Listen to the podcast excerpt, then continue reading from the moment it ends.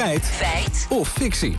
Gaat Lammert over een reclame van Kruidvat. Ja, het consumentenvertrouwen is op het laagste punt ooit. Er is natuurlijk een oorlog op het continent. En nu doet ook die drogisterij een duit in het zakje.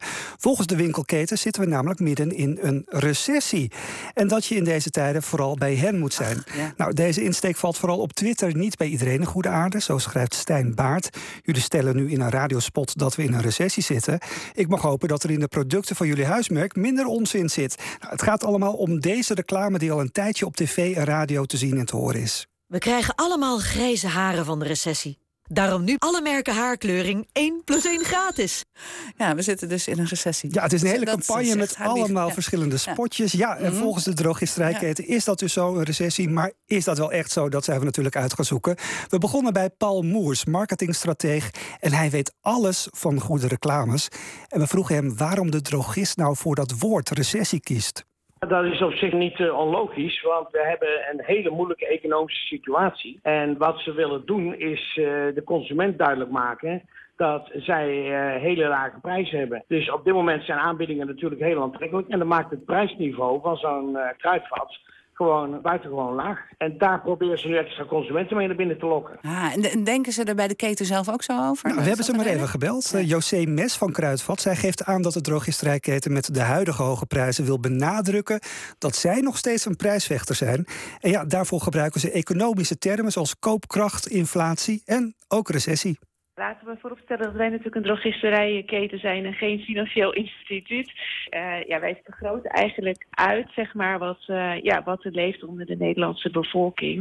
Uh, we gebruiken bijvoorbeeld ook in deze campagne termen als koopkracht en inflatie, stijgende prijzen. Ja, wij noteren een drogist is geen financieel instituut, ja. maar we hebben er zo'n instituut gebeld. Ja, Marike Blom, zij is hoofdeconoom van ING. De drogisterij heeft volgens haar geen ongelijk wat betreft dat sentiment.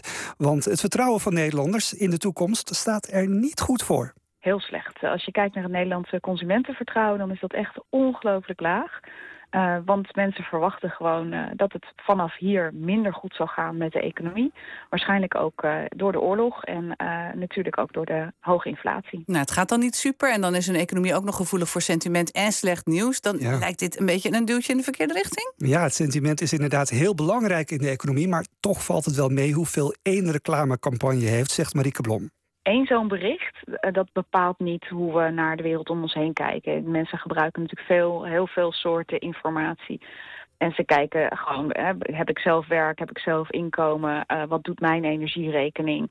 Um, dus één zo'n reclame, ja, dat maakt echt niet het verschil. Oké, okay, één reclame maakt nog geen recessie. maar hoe staan we er dan nu voor? Zitten we al in een recessie? Waar zijn we? Ja, dat hebben we dan toch maar even gevraagd aan Peter Heijn van Mulligen, hoofdeconoom bij het CBS. Nee, we zitten op dit moment zeker weten niet in een recessie. Uh, bij een recessie, eh, daarvan is pas sprake als de economie twee kwartalen op rij krimpt. Nou, we hebben nu nog niet eens één kwartaal van krimp.